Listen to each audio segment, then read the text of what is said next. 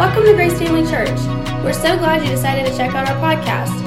Our prayer is that this teaching from Pastor Tommy will encourage your faith and lead you towards the greatness God has planned for you. Thanks again for listening. We hope you enjoy this message. Mark chapter 4 and verse 1 says, Again, Jesus began to teach by the lake. The crowd that gathered around him was so large that he got into a boat and sat in it out on the lake, while, while all the people were along the shore at the water's edge. He taught them many things by parables, and his teaching said, Listen, a farmer went out to sow his seed. As he was scattering the seed, some fell along the path, and the birds came and ate it up. Some fell on rocky places where it did not have much soil. It sprang up quickly, and because there was no, there, the soil was shallow. But when the sun came up, they plant, the, uh, the plants were scorched and the, they withered because they had no root. Other seed fell among thorns, which grew up and choked the plants so that they did not bear grain. Still others fell on good soil. It came up, grew, and produced a crop, some multiplying 30, some 60, and some a 100 times. Then Jesus said, Whoever has ears to hear, let him hear. Let's pray. Father, we come to you right now in the name of Jesus. Thank you for just the wonderful spirit that there is in this church, that your Holy Spirit, we give him free rein and liberty to move uh, at any time, at any place, however he chooses. And we thank you that because of that, Father, this is a place where we can hear from you. And so I ask you that as we approach your word, you would speak through me to your people, that you would use my words, that you would season them with grace, so that we leave this place with something received that we could say, My life is better I don't just feel better for a, a, brief moment, but my life will be better because I've applied this to my life. I give you praise and thanks for that taking place in Jesus' name. Amen. You know, in this par- parable, as we said, you know, even prior to reading it, Jesus is pointing out really uh, the similarity between the harvest and the uh, uh, of a natural harvest and the harvest we can have of what God's will and purpose is in our life.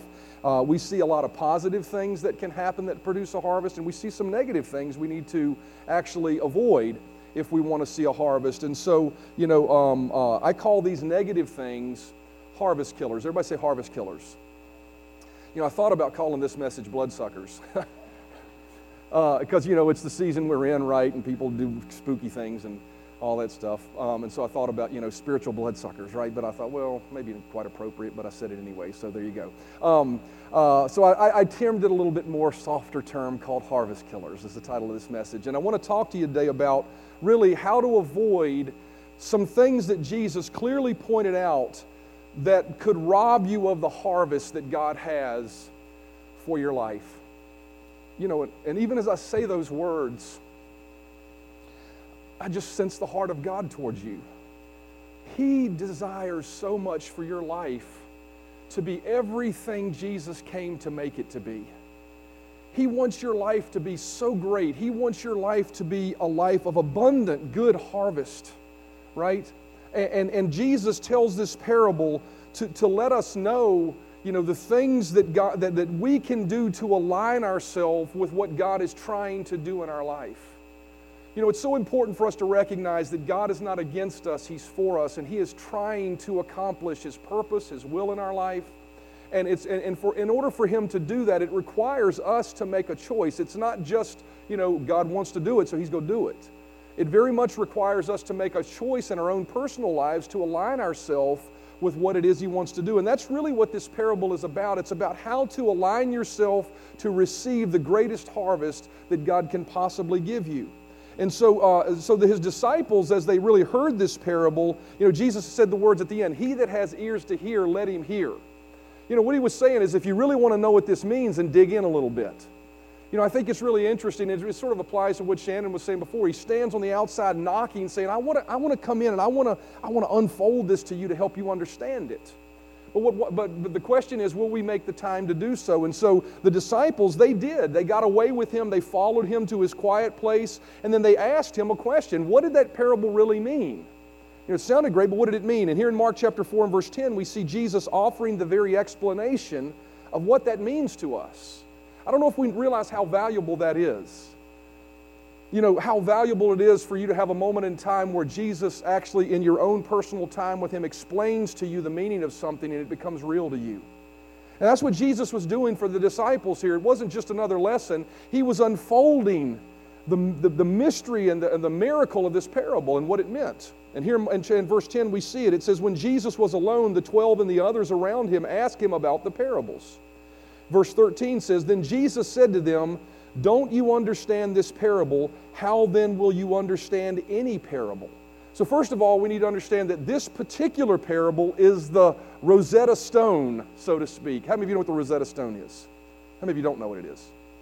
Rosetta Stone is, was a stone that was found that helped us unlock many of the different languages, even the ancient languages that people spoke. And, and so for us, you know, uh, this parable really is the key to understanding the kingdom of God. He says, if you don't understand this, you won't understand anything. So it's really critical, and I wanted to try to cram as much of this into one service as I possibly could with not keeping you too long. But Jesus said, This is going to be a key to you understanding anything about the kingdom of God. And verse 14 says, The farmer sows the word. Everybody say the word. So the first thing we've got to recognize is this entire parable is based on the word of God being sown. And what he says here is some people are like seeds along the path where the word is sown. As soon as they hear it, Satan comes and takes away the word that was sown in them. Others, like seeds sown on rocky places, hear the word and at once receive it with joy, but since they have no root, they last only a short time. When trouble or persecution comes, because of the word, they quickly fall away. Still others, like seeds sown among thorns, hear the word, but the worries of life, the deceitfulness of wealth, and the desires of the other things come in and choke the word, making it unfruitful. Others, like seed sown on good soil, hear the word, accept it, and produce a crop some 30, some 60, some 100 times that was sown. We see Jesus explaining to us the meaning of this parable. And he explains to us things, really, if you think about it, the bulk of the parable is talking about things we should avoid that will rob us of our harvest things we should be aware of and ward off or stay away from if we want to have the harvest. And so I want to talk to you about these harvest killers, but before I do, there's a couple of little pre things I want to share with you. And the first one is this in order for you to produce a harvest that God wants you to have, in order for you to produce a harvest that God wants you to have, you must absolutely sow the Word of God into your life. You cannot produce the kind of harvest God wants you to have without sowing the word. As a matter of fact, as we look to that scripture, Jesus said, The sower sows the word. And so, important for us to recognize is this that if we are going to produce a harvest, there has to be a, a word sown. And why do I stress that this morning? I stress that because I think sometimes we feel like if we want to have a miracle, if we want to see God do something great, if we want to see God produce His greatest and best promises in our life, that if we just have good intentions and we hope enough and we uh, have enough prayer chains during crisis situations, that will produce that harvest. But what Jesus said, if you're going to understand the kingdom of God, you've got to understand this first point the sower sows the word.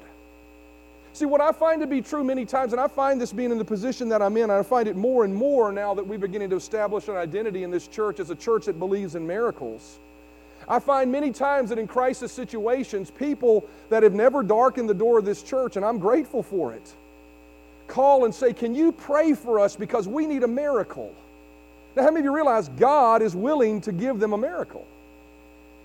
But here's the principle that we have to understand in the Word of God. What He says is that if you want a miracle, if you want a harvest, what has to happen first? The Word has to be sown. So, what I recognize is in those situations, I don't just pray. I don't just go say, well, let's just establish, let's just pray hard. Let's really pray hard. How many of you, have, you know, let's, let's, let's get as many people praying as we can. I don't do that. What I do is try to find some time in a crisis situation as best I can to get the promise of God to them so that they hear it and it germinates faith and they receive it. But here's the point I want to make is this. When you are in a crisis situation, if you don't know what God says and you haven't established God's word down on the inside of you, and you haven't been sowing the word as Jesus says, I can tell you this the likelihood of you receiving a miracle is going to be more difficult.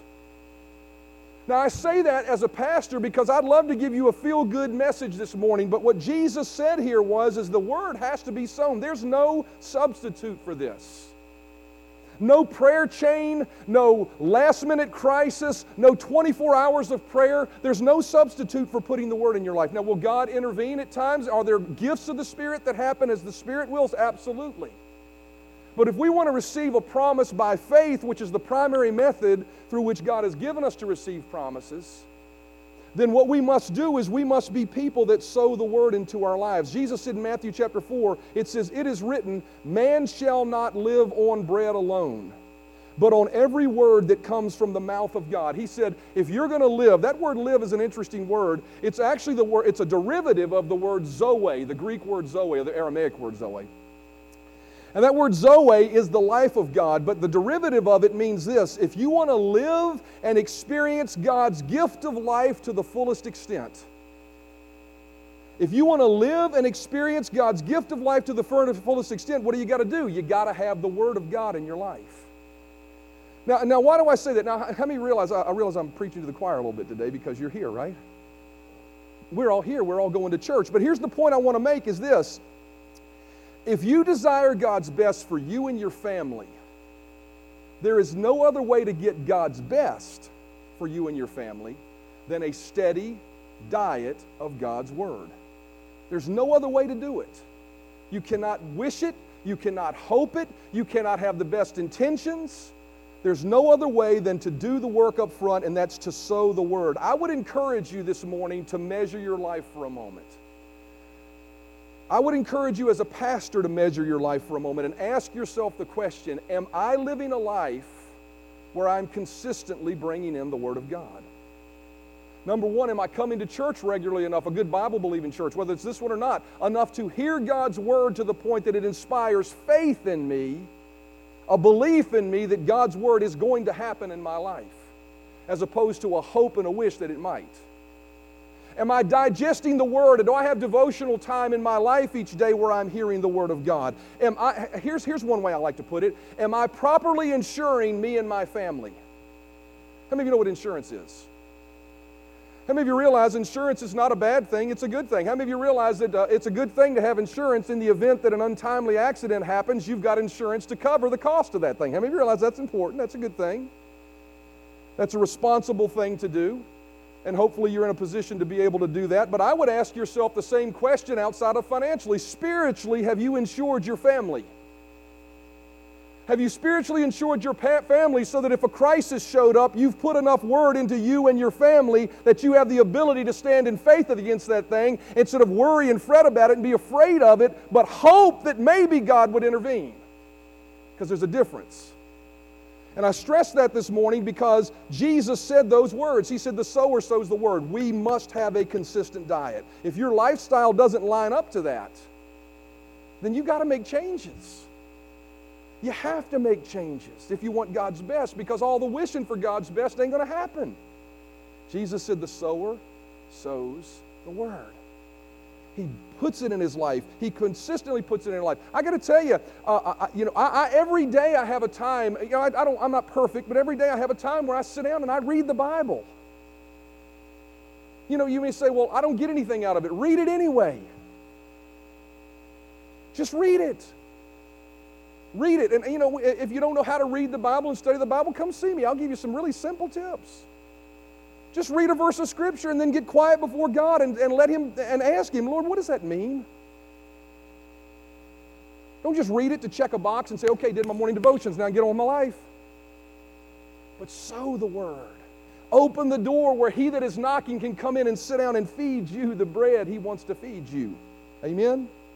And so I would encourage you that, you know, there are, I would say this, there are many good people being deceived by good intentions and silent apathy towards the Word of God, that somewhere down the line they're going to face a problem that is bigger than their ability to deal with it, and they're going to struggle. I would ask yourself the question are you being wise enough to not wait till the last minute? Are you sowing the Word of God into your life? When life shows up with challenges bigger than your ability, you're going to need something better than your hope and your own personal hard work when the doctor comes with a diagnosis of something that he says is incurable, how many realize all the work in the world that you can do can't change that, but God can? And in those moments, you don't need a hope, although hope is great, it's the beginning of faith. You need faith because faith is what causes us to receive the promises of God. And so I would say this, even though this is a precursor to the, the, the, the harvest killers I'm going to talk about, the first harvest killer really is this Are you sowing the word regularly in your life? Because if you, no seed, no harvest. How silly would it be for a farmer to go out and stand over his field and say, Man, I'm really expecting corn this fall, and he didn't plant any? Right? But listen, we laugh at that, but that's what people do every day. A problem shows up, and then they're like, Oh God, send me a harvest. They never planted a seed. And, and I can promise you, this is not because God is saying, Well, you didn't plant a seed, so I ain't giving you no harvest. No, He's saying the harvest is in the seed. The harvest is in the seed. It, it, he said, I gave you my word. I gave you my promises. The harvest is right there. I've given you Jesus who made a way to wipe away all your sins so that you qualify for the harvest that's in the seed. But you got to plant it. You got to sow a seed regularly into your life. The Bible says faith comes from hearing and hearing the Word of God. It's from hearing it over and over and over again. It's by looking at something that you've heard a hundred times before and looking at it again and saying, Lord, keep it real in my life.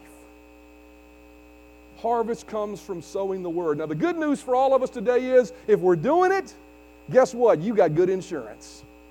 And I'm going to talk about that in a minute. If you're not doing it, the good news is simply this you can change right now. All you got to do is just start sowing it. You're sitting here today, amen? You're sitting here today receiving the good word of God. Find a good church. Listen to the word of God. Go out on our website and listen to old ones. Find good preachers that preach full of faith messages and listen to them. Oh, find a good devotional and read that. But start sowing the word. Second prenote. Everybody say prenote. I ain't got to the message yet. Second prenote is this nowhere in this parable of the sower, and this is so important, nowhere in this parable of the sower sowing the word does it say, and, and not even in Jesus' explanation does it say that the harvest was not received because it was the will of God that it wouldn't be received. Nowhere does it say that. When Jesus explains the parable of the sower, never once does he say, you know, some didn't receive it because it wasn't God's will. Why? Because if it's in the Word, then it's the will of God that you have it. And so we understand something that God is never withholding your harvest. He is a God that is constantly working to bring the increase. 1 Corinthians chapter 3 and verse 6 says, I planted the seed, Paul said this. Apollos watered it, but notice this, but God has been making it grow. In one verse it says, But God giveth the increase, in one translation. So neither the one that plants nor the one that waters it is anything, but only God who makes things grow. God makes things grow, He doesn't hold things back. The one who plants and the one who waters have one purpose, and they will each be rewarded according to their own labor. Notice what he's saying here. He's saying your harvest is entirely dependent upon how well you tend your seed that is sown. God is never the one holding it back, He's not the one withholding. Psalm 84 and verse 11 says, The Lord is a sun and a shield. The Lord will give grace and glory. No good thing will He withhold from those who walk uprightly. He says, If you'll walk before Him and do your part, God will not withhold.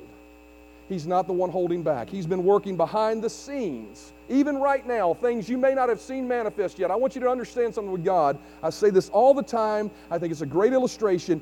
He is not holding your answer in the fist of his hand, waiting to release it at some point in the future.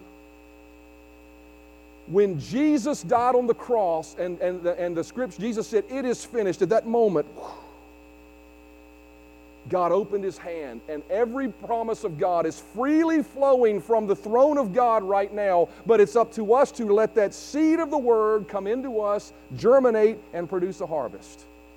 And what that verse says is this it says that God is the one that is released, He's released it, He's not withholding it from you.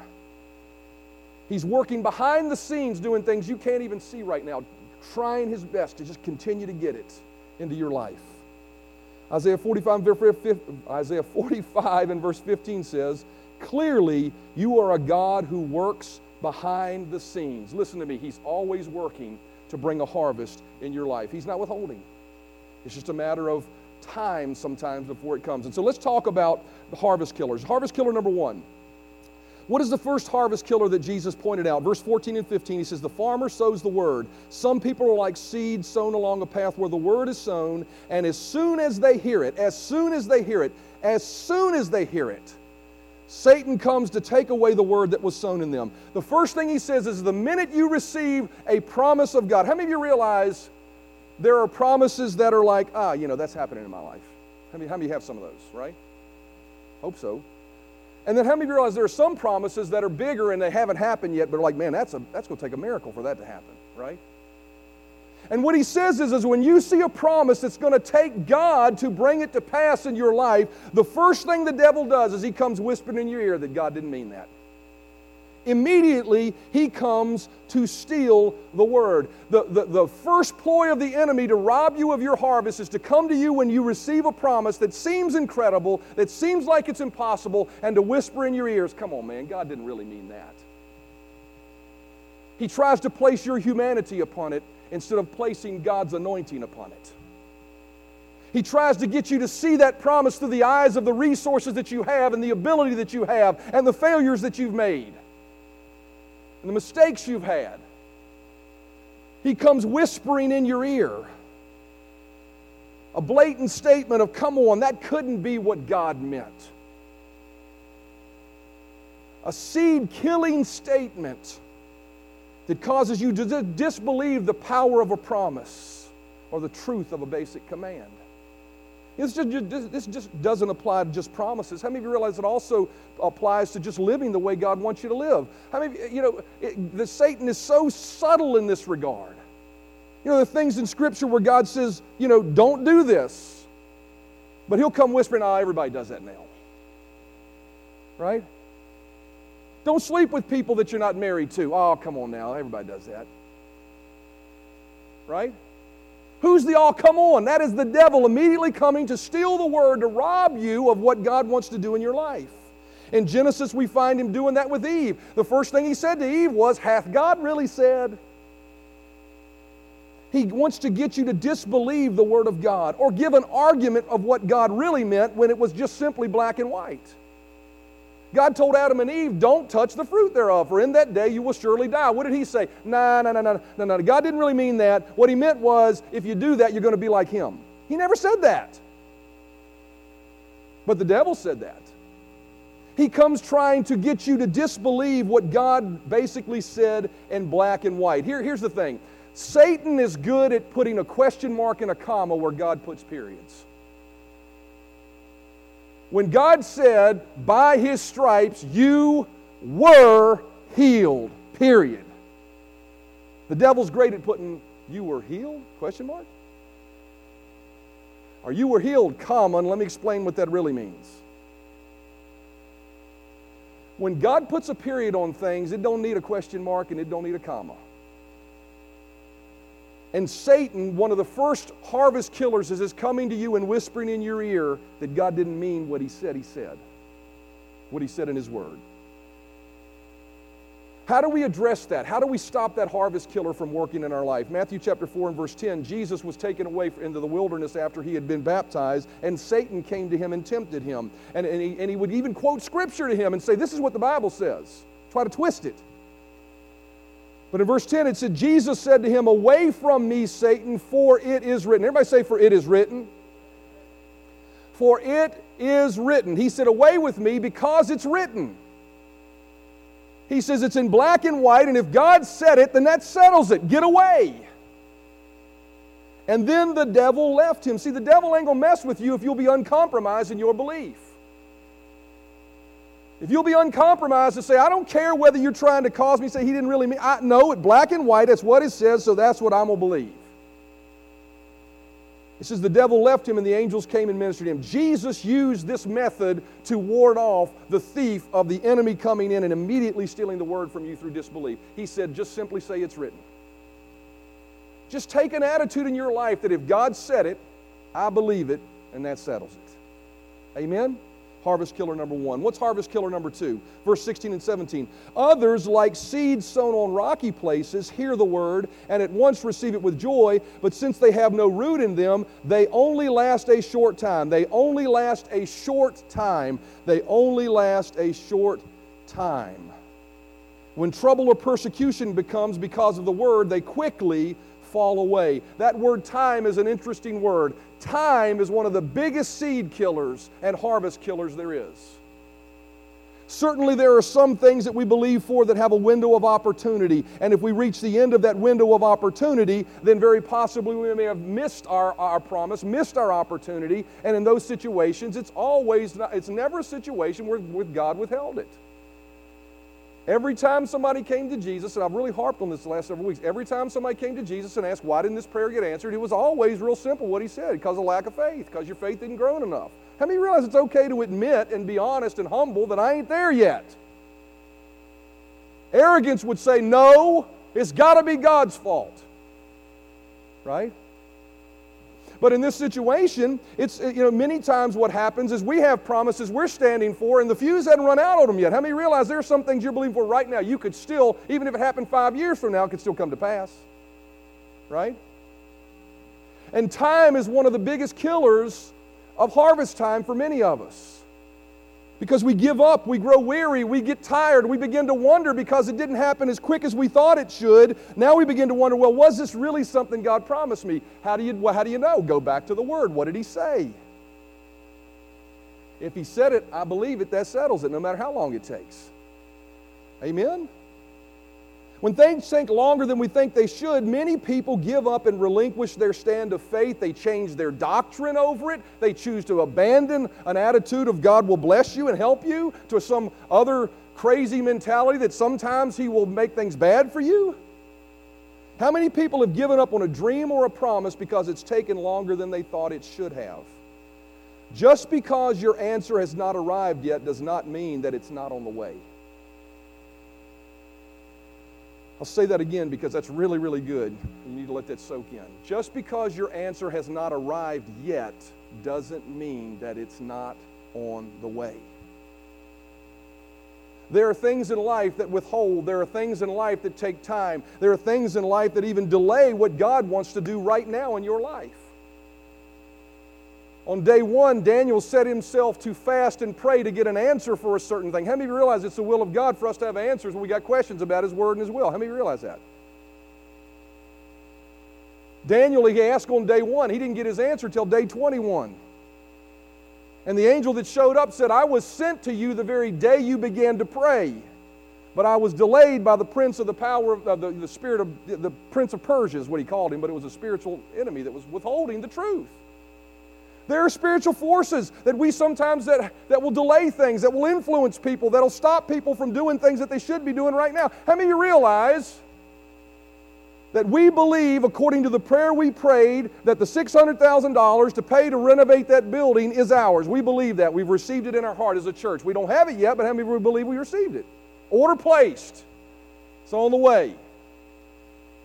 I will tell you this how many of you realize that if there is someone that has the wherewithal to do that, it's a very good possibility God's speaking to them to do it? Now, I'm not saying you're sitting here in this church, but how many realize God has the ability to do that? But how many realize that person has to comply? There are sometimes delays that take place, but just because there's the delay doesn't mean we need to back off in the fact that there's a harvest. Galatians 6 9 says, And let us not be weary in well doing, for in due season we shall reap if we faint not when you have not received your promise and you begin to grow weary, just realize you are simply in tending season. You may be in winter, you may be in spring, you may be in summer, right? But just realize it's a season. Realize it's a time of faithfulness. It's a time of tending to the seed. It's a time of watering it. It's a time of not digging it up and giving up on it or going to another field and trying again. I got to tell you, one of the greatest attributes that this generation is challenged with, I believe, is the attribute of faithfulness. The diligence to stick with something, the diligence to stay after it instead of quit and move to something else when it's just hard. See, many times it's still spring or it's still summer or it's still winter, but harvest is coming. Psalm 30 and verse 5 says, Weeping may endure for a night, but joy cometh in the morning. I promise you, your answer is already on the way if you'll continue to stand and believe for it. Harvest killer number three. Verse 18 says, Still others, like seed sown among thorns, hear the word, but the worries of this life and the deceitfulness of wealth and the desires of other things come in and choke the word and make it unfruitful. Another harvest killer is worry over all the things we take upon ourselves. The worry that comes from focusing on our money too much. The worry of how am I going to pull off this desired dream or goal in my own strength with my own resources. Worry is a faith killer if we embrace it. What is worry? Worry is when you put more focus on the what you're going to do than the what God has already done. How many of you ever sat alone just, what am I going to do? What am I going to do? How many of you, been, how many of you had that story play in your ear? Head on the pillow, staring at the ceiling, can't sleep because you're wondering, what am I going to do? What am I going to do? What am I going to do? You know what the best response to that is when the devil starts whispering that in your ear? Nothing. God is going to take care of it. Everybody say nothing? God's going to take care of it. See, that's what He's promised us. What He's given us a promise for something that we're believing for and it's not showing up or it doesn't look like it or life circumstances saying this ain't true, what are you going to do? You don't have the ability most of the time to do anything, so why are you worrying about it in the first place? Jesus said, You don't have the ability to change one hair on your head, but your heavenly Father knows what you have need of before you even ask about it. And He cares for you lovingly and consistently. See, worry is a faith killer, worry is a harvest killer. Philippians 4 6 says, Don't worry about anything, but, by prayer and every, but, but, but uh, pray about everything with thankful hearts. Offer up your prayer and request to God. Notice what he says there. He says, Don't worry about anything. How many of you realize he means that just as much as he says, Don't kill, don't steal, don't, don't, don't, you know, don't lie, don't commit adultery? How many of those are the Ten Commandments? How many of you realize don't worry about anything is a commandment as well? just as adamant about it. I would venture to say this worry is not a lapdog that you pet and play with, worry is sin. See, a lot of people think worry is a little, lap, you know, little lapdog. They just sit around and just pet it, pet it, pet it. What am I gonna do? What am I gonna do? What am I do? What am I do? What you're playing with is sin. And what God says is don't worry. Take that dog and kick it to the curb and get you a better one. Amen. See, God doesn't want us to worry. Why? Because He doesn't want us pulling ourselves out of the realm of faith where we take things within our own possession and try to figure out a way to pull it off. He wants us to give it to Him so He can do what we cannot do. Amen. The Bible is full of example of example where people worried about it, worried about it, worried about it, then did something, created a mess. Abraham, how are we going to have a kid? How are we going to have a kid? God said, I'm going to have a kid. How am I going to have a kid? Oh, I got a great idea, his wife says. Why don't you just go sleep with your concubine and have one? You know, I think the interesting, most interesting thing about that story is Abraham, called a friend of God, didn't even reject the idea. He was like, okay, that sounds like a good idea. and what did he do? He didn't have Isaac, he didn't have the promised seed, he had created a seed of his own. If you look at the lineage and where, where that seed wound up today, it's, it's created some real problems. Created a whole religion that is opposed to the Christianity and gospel of the Lord Jesus Christ. See, what winds up happening many times in our life is we begin to worry and fret and come up with a scheme of how we're going to help God pull off what He wants to do for us. But what God says is, is the harvest killer, that's a harvest killer. When you plant a seed, a farm, there are certain things God tells us to do. Water, you, know, you can do as a farmer, water the seed, put nutrients on it. But how many of you realize at some point you just got to let the process of growth do what it's going to do? You got to take your hands off of it, sit back and say, I'm going to wait till harvest time. See, we need to be people that have the patience to realize that harvest is coming, due season's coming. And I don't need to do anything, I just need to trust God. I simply need to not worry. How? Cast your cares on Him. 1 Peter 5 7 says, Cast the whole of your care, all your anxiety, all your worries, all your concerns, once for all on Him, for He cares for you affectionately and cares about you watchfully. We resist worry by simply casting our care on Him. And hold fast to the fact that He's faithful. I got to tell you, the, what, what the, the, the, the root of worry is really boils down to this simple question Do you really believe God is faithful to do what He said He would do. And if you do, then don't worry about it. Make a choice. Some people say, Well, I'm a chronic worrier. I just can't stop worrying. That's a lie. You can quit, just stop, do something else. Amen. Hebrews 10:23 says, "Let us hold fast the profession of our faith without wavering, for he is faithful that promised. He can be trusted. God always keeps his promises." He can be trusted to do what he said he would do when we align ourselves properly with what he said he would do. And I can tell you this unequivocally anytime we fall short of that, it is never God not keeping his word. It is always somewhere we missed a niche in the equation. Why? Because we are human. Right? We're not perfect. And that's okay. But it's never God, and so we understand He's faithful. So if your promise is not manifested yet, He's still working and harvest time is coming. Everybody say, Harvest is on the way. I believe it's mine right now. All right, as we begin to look to the communion table, we're going to close the service with this. There's one other uh, harvest killer that the, the, communion table gives us an opportunity to address, and I want to read that. As musicians come, Mark chapter 4, verse 16 through 17, I want to read you these verses and hit this last harvest killer, and then we'll take communion together as a church family.